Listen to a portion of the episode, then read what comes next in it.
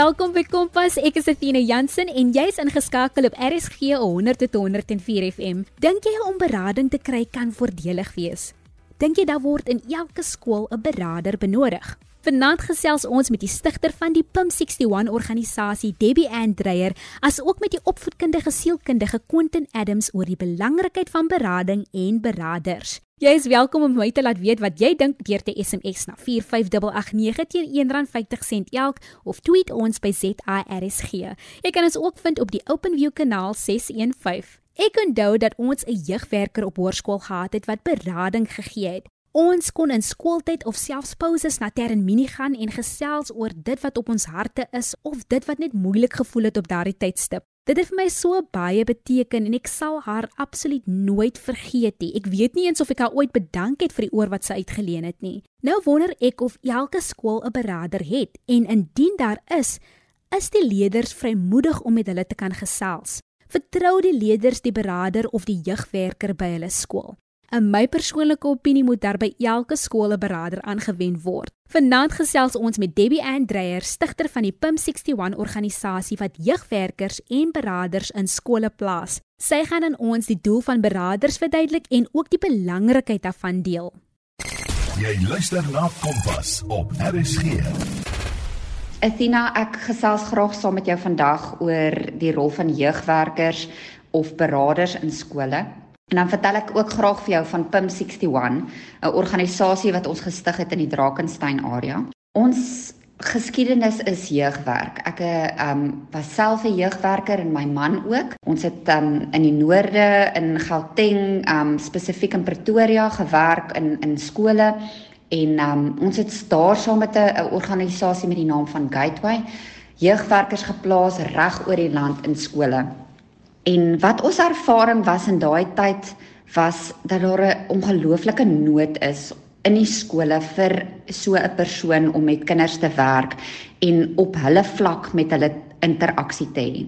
Ons het daaruit um 'n hele paar jaar later hier in die Parel besluit om ons organisasie bietjie kleiner te hou en te fokus op hierdie area juis omdat ons wil hê dat die jeugwerkers of lewensgidse soos wat ons hulle noem bietjie meer intensief na gekyk word en hulle ook dan bietjie meer intensief versorg word um juis omdat dit wat hulle teekom in die skole soms baie um emosionele druk op hulle plaas en en vir hulle self dit moeilik maak om um, soos die Engelse dit sê te kan cope met met alles wat hulle sien.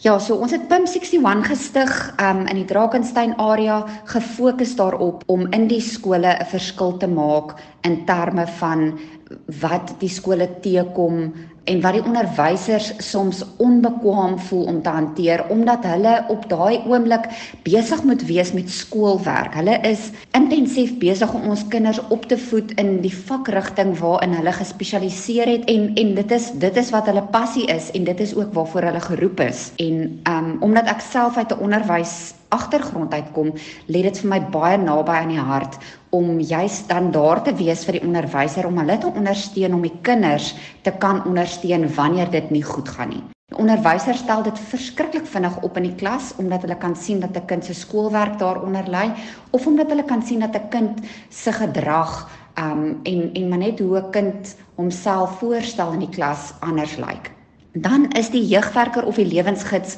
daar om daai vangnet te wees en dit vir die onderwyser moontlik te maak om tog vir die kind te sorg deur die jeugwerker.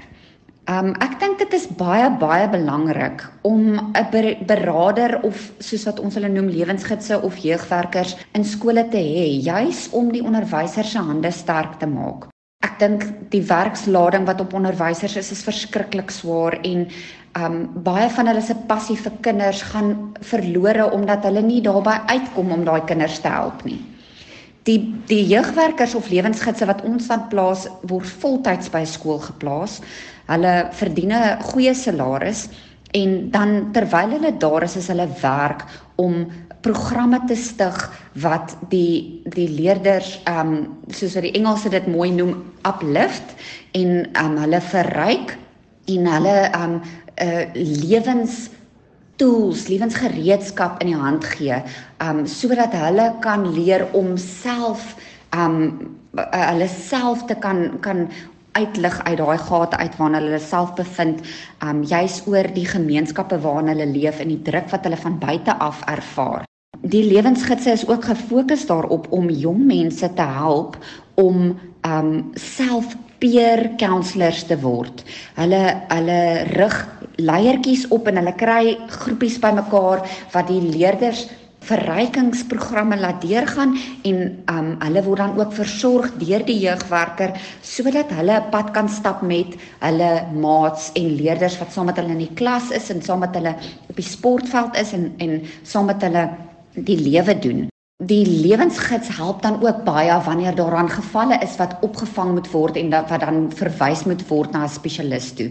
Ons lewensgidse is nie ge, ge opgeleide sielkundiges um of kan nie kan nie noodwendig altyd help met met baie ernstige gevalle nie, maar hulle is opgelei om wel 'n netwerk van mense om hulle te hê wat waarna toe hulle verwys en waarna hulle dan ook opvolg en met daai leerders 'n pad stap. Dit is Kompas met Athena Jansen ons gesels oor berading binne skole. Ek dink die leerders en die kinders wat vandag in die skole sit, sit met verskriklik baie druk. Um die wêreld het ewe skielik verander in 'n baie klein plek en alles wat hierdie jong mense doen word vir die hele wêreld ten tentoongestel op op sosiale media.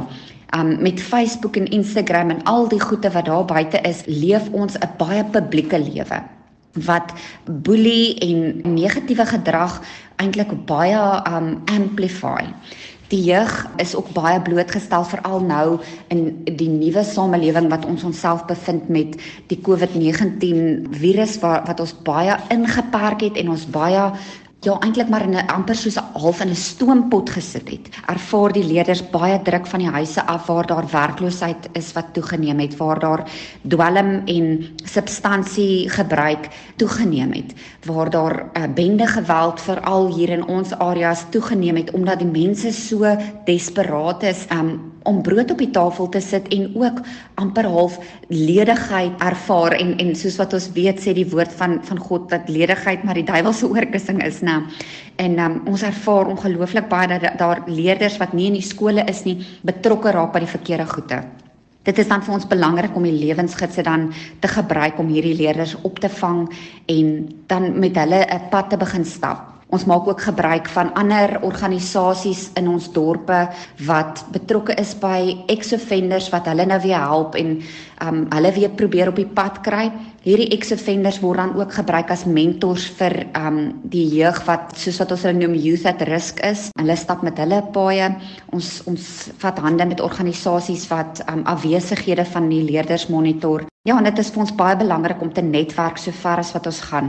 Die jong mense sukkel soms om vrymoedigheid te, te hê om met ons um groot mense te gesels en daarom is dit vir ons belangrik om baie nou met die jeug self in die skole te werk en met hulle pad te stap om om peer counselors te wees. Die skole word ondersteun juis deur hierdie verskillende netwerke van organisasies wat hulle hande vat en in eintlik half om die skool 'n muur vorm om hulle te versterk om hierdie ongelooflike druk wat op die skole is om vir die leerders te help om hulle self te verryk en hulle self uit hierdie situasies uit te lig. Um so ja, ek dink dit is vir enige skool baie belangrik om so 'n netwerk om hulle te hê en die lewensgids wat dan in die skool permanent geplaas word, word dan fasiliteerder van hierdie programme binne in die skool en maak seker dat dit effektief en uniek en doelgerig is. Die ouers word ook baie ingetrek om deel te raak van die situasie by die skool. Hulle word ingelig, daar word um vir die ouers verrykingsprogramme aangebied. Ons werk ook baie nou saam met World Needs a Father wat baie um goeie programme bied vir alle fasette van die gesin en en ons doen naskoolse pro programme waarin ons dan die gesinne ook dan help en aanspreek en vir hulle probeer uplift en vir hulle net bietjie ook gereeds gereedskap in die hande gee om oor hoe om met hulle kinders te werk. Um ek dink daar is definitief definitief hoop vir die jeug van ons land en van die wêreld. Die woord sê dat ons nooit hoop moet verloor nie en dat hoop is 'n persoon en daai persoon is is is ons redder Jesus Christus en ek dink as ons aan hom vashou en ons um vertrou op hom om die profeseë wat oor ons land uitgegaan het en spesifiek ook oor die Drakensberg area te vervul dan kan ons dan kan ons maar net aanhou om hoop te hê. Um ek sien in ons jeug dat hulle baie resilient is en dat hulle baie braaf is en dit is asof hulle wat ook al hulle kant toe kom net met soveel grasie hanteer en ja ek wil maar net vir elke jong mens sal buite sê keep up the good work hou vas aan aan hoop en hou vas aan die idee dat Suid-Afrika 'n land is waarin ons kan floreer en waarin daar vir ons wel 'n toekoms is. Um ek glo daar kom baie baie ongelooflike groot deurbrake vir ons jeug en vir ons land.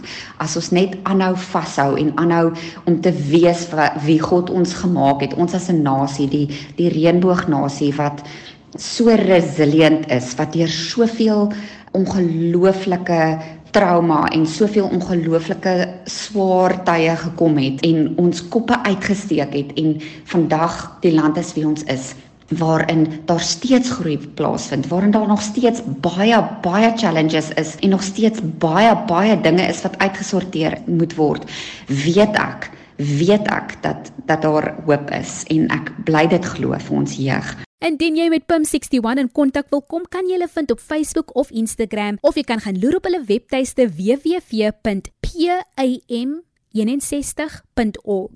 So www.pim61.org.